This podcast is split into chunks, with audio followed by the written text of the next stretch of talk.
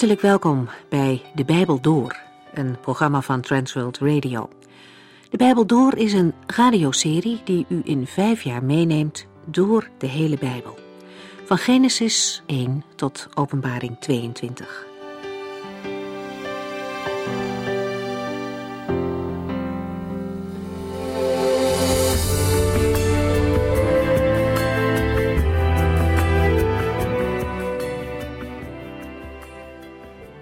In de Bijbel door zijn we gebleven bij Lucas 7. Laten we nog even teruggaan naar de vorige keer. Het is Sabbat en Jezus loopt met de discipelen door een korenveld. Ze eten wat graankorrels en meteen staan de fariseeën weer klaar met kritiek en verwijten. Jullie doen iets wat niet mag. Maar met een enkel woord laat de Heer Jezus hen zien dat de wet van God niet bedoeld is om mensen het leven zuur en moeilijk te maken. Want Gods wetten geven mensen juist ruimte om echt, om werkelijk te leven. Ook als de Heer Jezus op een andere sabbat een man geneest, staan de fariseeën weer vooraan om hem te kunnen beschuldigen. En opnieuw kunnen ze niet tegen zijn wijsheid op. Hun afkeer van hem neemt snel toe. Voor de Heer Jezus was het leven dus niet zo makkelijk. Voortdurend was er onbegrip, tegenstand en ongeloof. Maar in de evangelie lezen we regelmatig dat Jezus een rustige plaats zocht om te bidden. Vaak s'nachts of s'morgens nog heel vroeg beklom hij een berg en nam de tijd om te bidden. In Lucas bidt hij een hele nacht voordat hij de twaalf discipelen uitkiest om met hem mee te gaan als zijn leerlingen. Bidden is ontzettend hard nodig in het dagelijks leven van een christen. We mogen bidden voor alles voor onze zorgen, voor de keuzes die we moeten maken.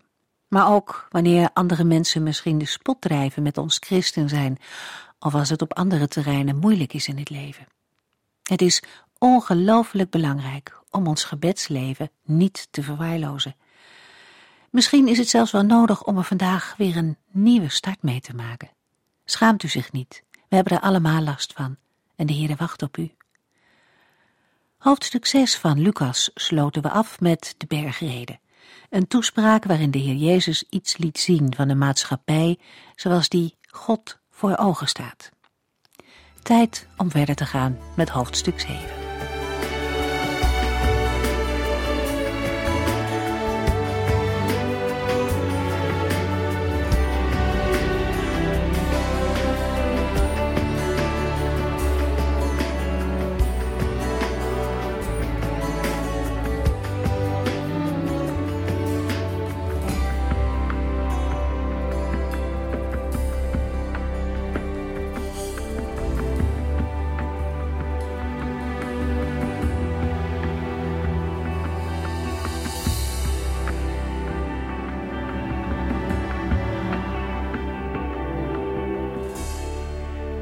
Lucas 7 begint met een nauwkeurig verslag van een genezing.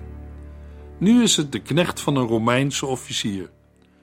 Hoewel Jezus geen persoonlijk contact met de knecht had, werd hij toch genezen.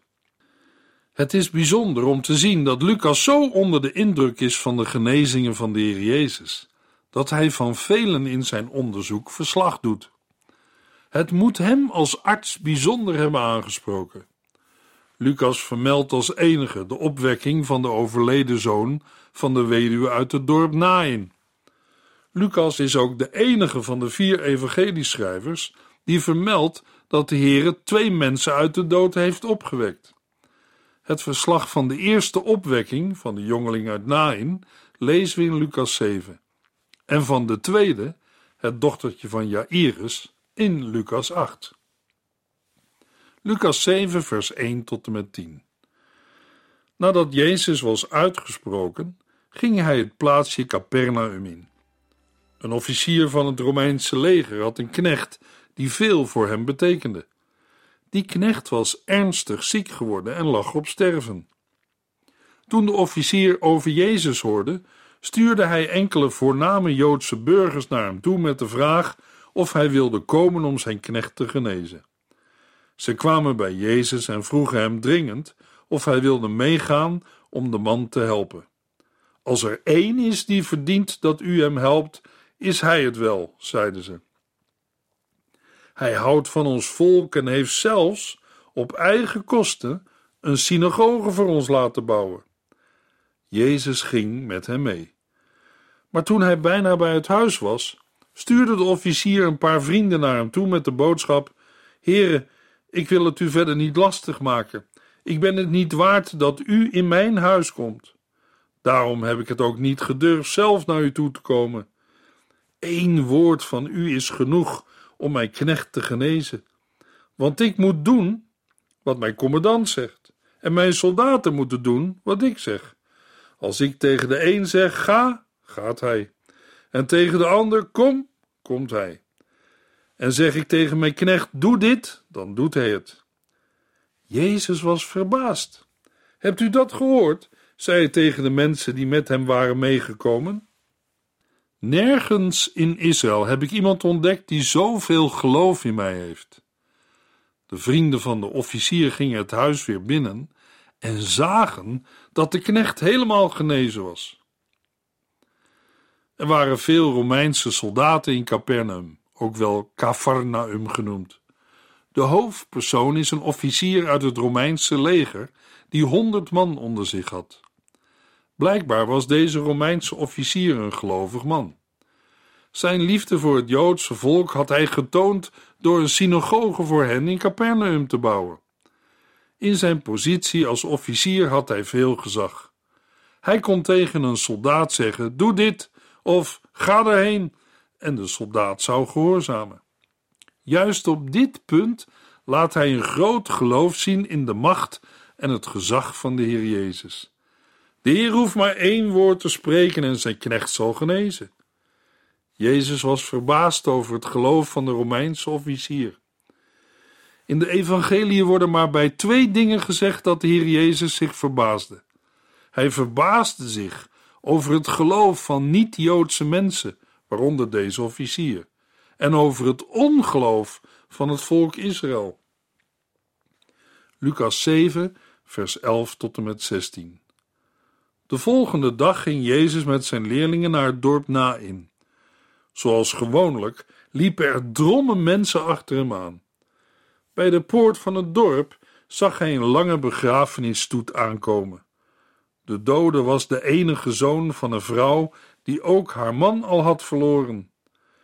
Toen Jezus de vrouw zag, kreeg hij diep medelijden met haar. Huil maar niet, zei hij. Hij liep naar de baar en legde zijn hand erop. De dragers bleven stilstaan. Jongen, zei hij, word weer levend. De dode jongen ging zitten en begon te praten. Jezus zei tegen de moeder: Hier is uw zoon weer. Er ging een golf van ontzag door de mensen. Ze eerden en prezen God. Wat een geweldige profeet heeft God naar ons toegestuurd. Vandaag hebben wij gezien wat God kan doen, zeiden zij.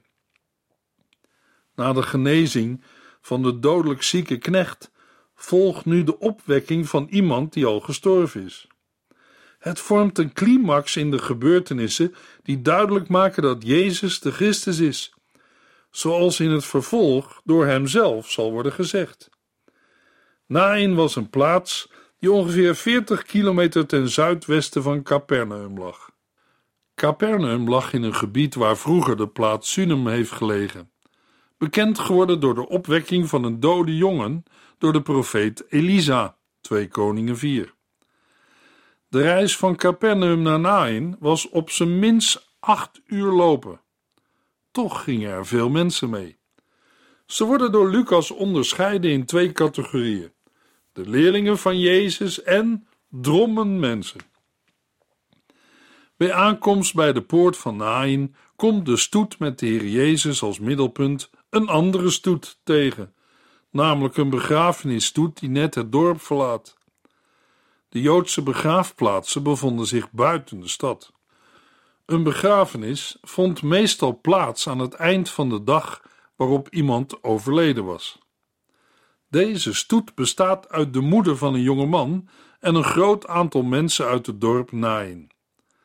Het werd in Israël als een bijzondere blijk van medeleven en liefde gezien om zich aan te sluiten bij een begrafenis. Zoals in die tijd gebruikelijk was, zal de stoet bestaan hebben uit meelevende buurtbewoners, klaagvrouwen en fluitspelers. Alle aandacht krijgt de begrafenisstoet. Uit eerbied mag deze stoet voorgaan.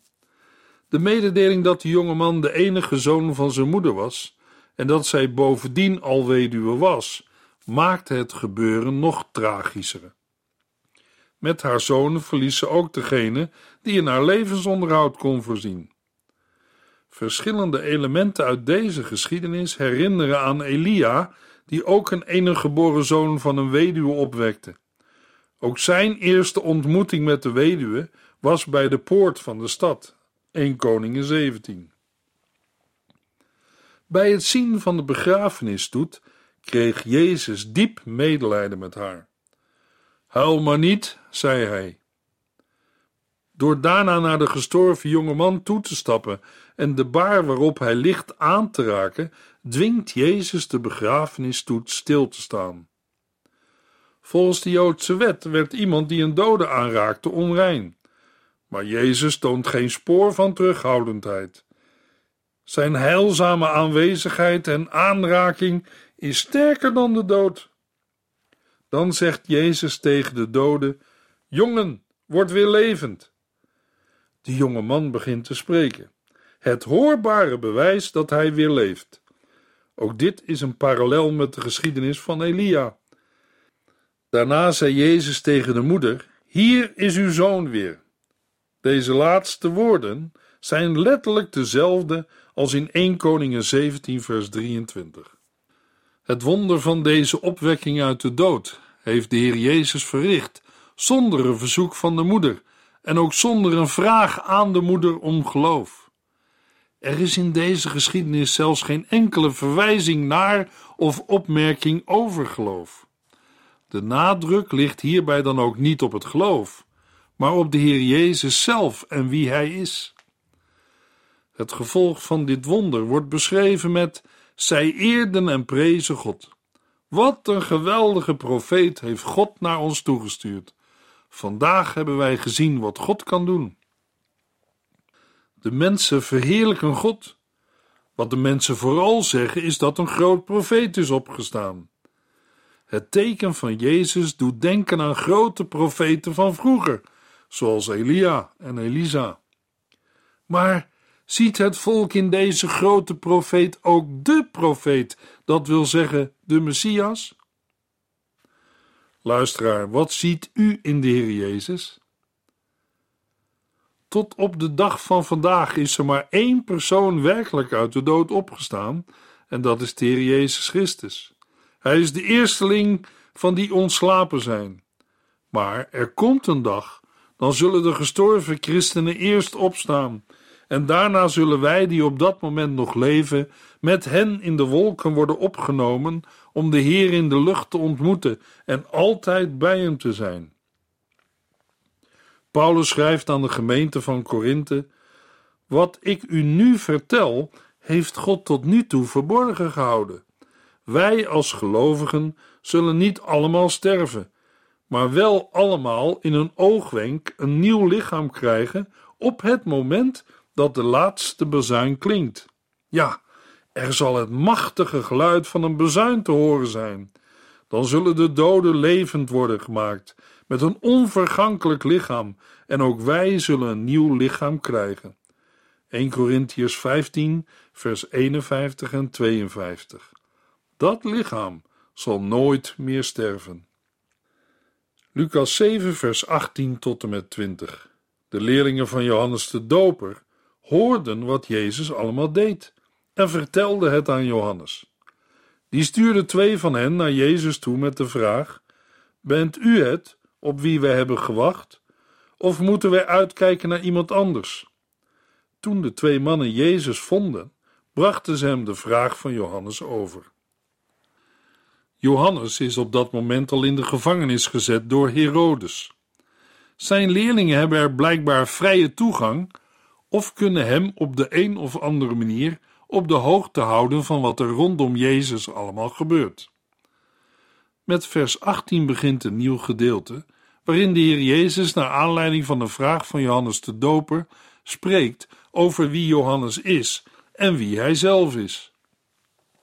De versen 18 tot en met 23 handelen over de vraag van Johannes of Jezus degene is die komen zou. In de versen 24 tot en met 30 spreekt Jezus over Johannes de Doper, de bode, de voorloper van de Messias. En in de versen 31 tot en met 35 over de reactie van de mensen. Net als vele anderen in Israël verwacht ook Johannes de Doper dat de heilstijd zou aanbreken met de komst van de Messias. Hij zelf heeft de komst van de Messias mogen aankondigen. Heel zijn bediening was hierop gericht. Hij heeft van Gods wegen bevestigd, gezien en gehoord dat Jezus degene is over wiens komst hij steeds sprak. Maar hoewel hij had getuigd dat Jezus de Messias is, zijn er toch een aantal zaken die hem doen twijfelen. Aan de ene kant hoort hij van genezingen en opwekking uit de doden, maar aan de andere kant ontbreken aan het optreden van Jezus aspecten die hij juist had aangekondigd, zoals de doop met de Heilige Geest en het scheiden van het kaf van het koren. Bovendien zit hij zelf in de gevangenis zonder dat Jezus daarbij ingrijpt. Het roept vragen en twijfel bij Johannes de Doper op. Daarom stuurt hij een paar van zijn leerlingen naar Jezus om zijn vraag aan hem voor te leggen. Met op wie wij hebben gewacht, wordt de Messias bedoeld. Zijn komst is in het Oude Testament beloofd. Met zijn komst aan het einde van de tijden zou de messiaanse heerlijkheid voor het volk Israël aanbreken. Johannes laat vragen of Jezus diegene is, of dat hij net als Johannes alleen een voorloper van de Messias is. Johannes verwachtte dat de Messias het koninkrijk in al zijn glorie en macht zou vestigen. Maar dat was niet gebeurd.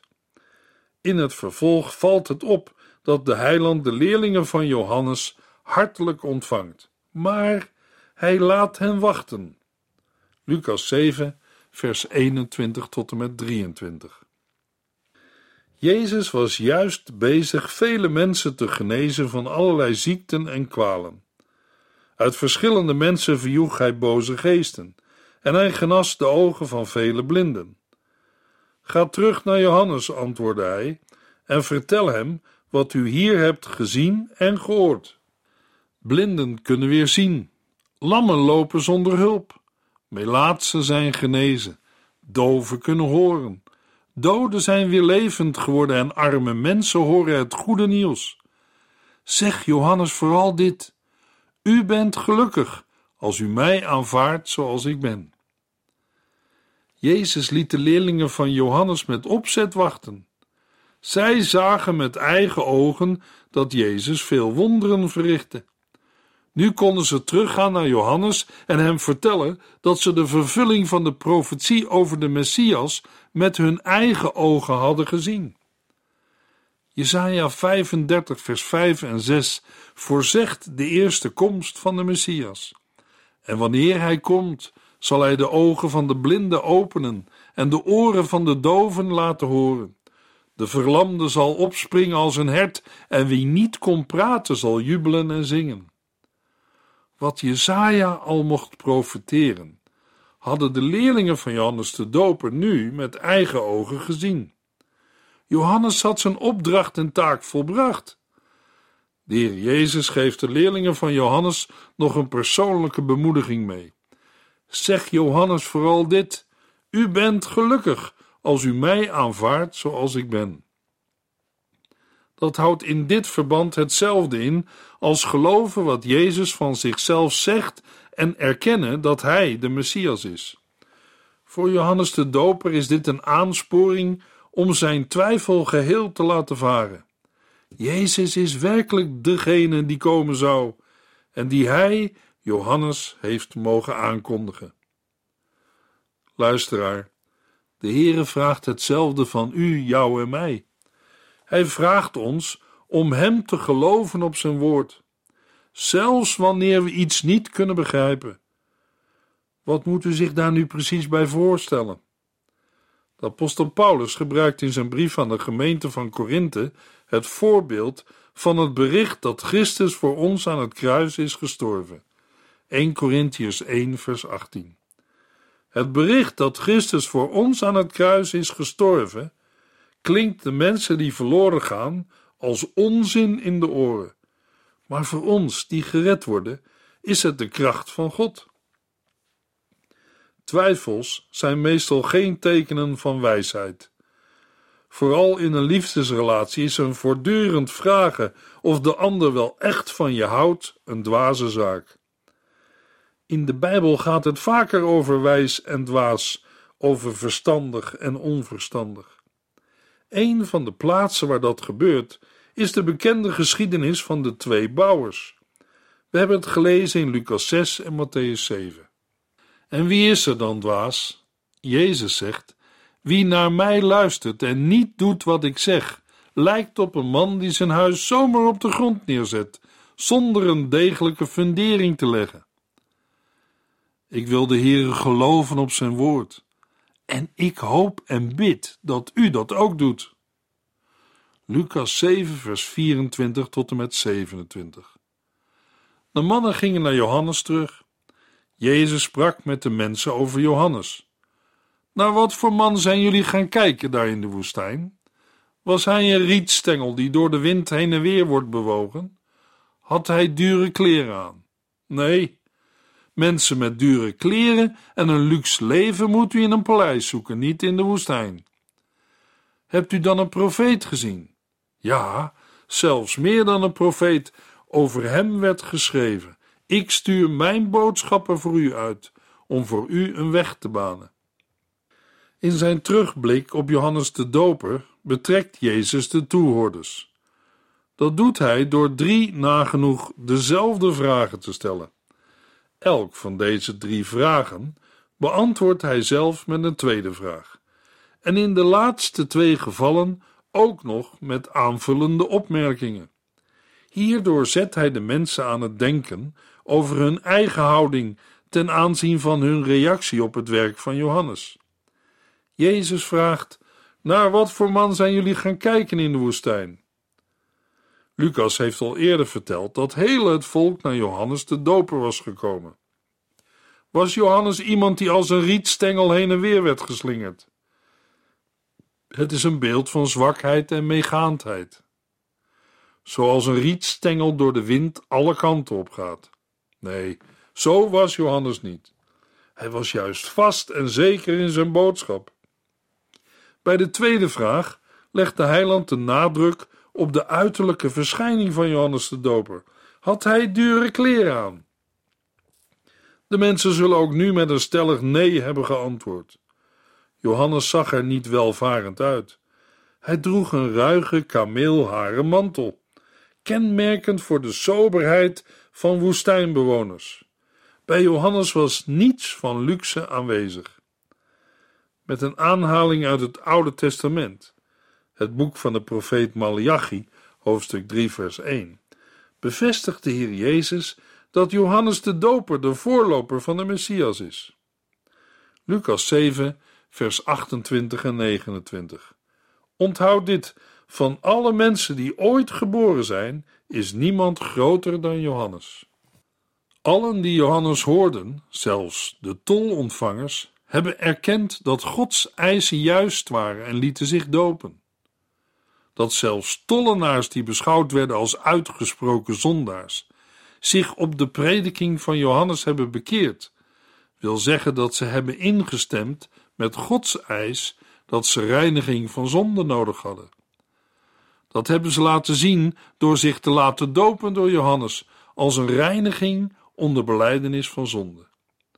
Geweldig dat de Heer Jezus dat van Johannes de Doper zegt. Lucas 7, vers 30 tot en met 32. Behalve de Fariseërs en de Bijbelgeleerden, die keurden het plan van God af en wilde zich niet door Johannes laten dopen. Wat moet men van zulke mannen zeggen? Waarmee kan men hen vergelijken? Ze zijn net kinderen die op straat spelen en tegen de andere kinderen zeggen: We hebben muziek gemaakt en jullie willen niet dansen. Wij hebben begrafenisje gespeeld en jullie wilden niet treuren. De vergelijking die Jezus maakt betreft spelende kinderen. Mogelijk doelde hij op een in die dagen bekend kinderspel. Twee groepen kinderen zitten op een marktplein en nodigen elkaar uit om mee te doen, maar krijgen geen instemmende reactie. Een aantal kinderen maakt fluitmuziek om de anderen daarop te laten dansen. Ook zingen ze klaagliederen om de anderen daarop te laten huilen. Waarschijnlijk ging het om het spelen van bruiloftje en begrafenisje. We zullen een en ander moeten opvatten dat Jezus de mensen van dit geslacht vergelijkt met de kinderen die anderen uitnodigen om het spel te spelen dat zij willen. In dit geval wordt Johannes de Doper, die bekering prediken, vergeleken met de kinderen die niet willen dansen en Jezus, die het blijde evangelie bracht, met hen die niet willen huilen. Lucas 7, vers 33 tot en met 35. Want Johannes de Doper leefde uiterst sober. Hij had geen brood en dronk geen druppel wijn. En u zei: Hij heeft een boze geest. Ik, de mensenzoon, eet en drinkt heel gewoon en u zegt: Die Jezus is een veelvraat en een drinker. Mooie vrienden heeft hij, tollenaars en slechte mensen. Maar de praktijk zal wel uitwijzen wat wijsheid is. De Fariseeën en Bijbelgeleerden hebben de boodschap van Johannes verworpen. Ook die van de Heer Jezus wilden ze niet aanvaarden. Hoe is dat bij u? Aanvaardt u de boodschap van de Heer Jezus Christus? Wie zijn vertrouwen op Jezus stelt, wordt niet veroordeeld. Maar wie niet gelooft, is al veroordeeld, omdat hij geen vertrouwen heeft gehad in de naam van Gods enige Zoon. Johannes 3, vers 18. In de volgende uitzending lezen we Lucas 7, vers 36 tot en met 8, vers 56.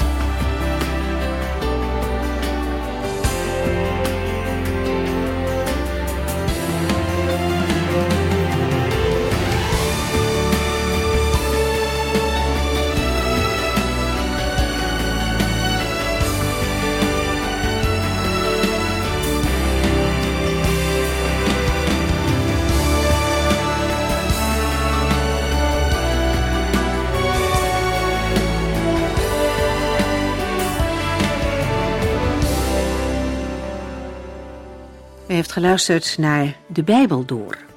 In het Nederlands vertaald en bewerkt door Transworld Radio. Een programma waarin we in vijf jaar tijd de hele Bijbel doorgaan. Als u wilt reageren op deze uitzending of u heeft vragen, dan kunt u contact met ons opnemen. Tijdens kantooruren kunt u bellen op 0342 47 8432. 0342 47 8432. 32. Ook kunt u een e-mail sturen naar de Bijbel door transworldradio.nl en natuurlijk kunt u ook via de post ons bereiken. TWR, postbus 371, postcode 3770, AJ in Barneveld.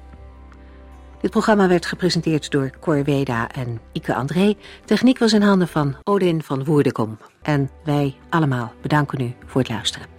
Graag tot de volgende keer.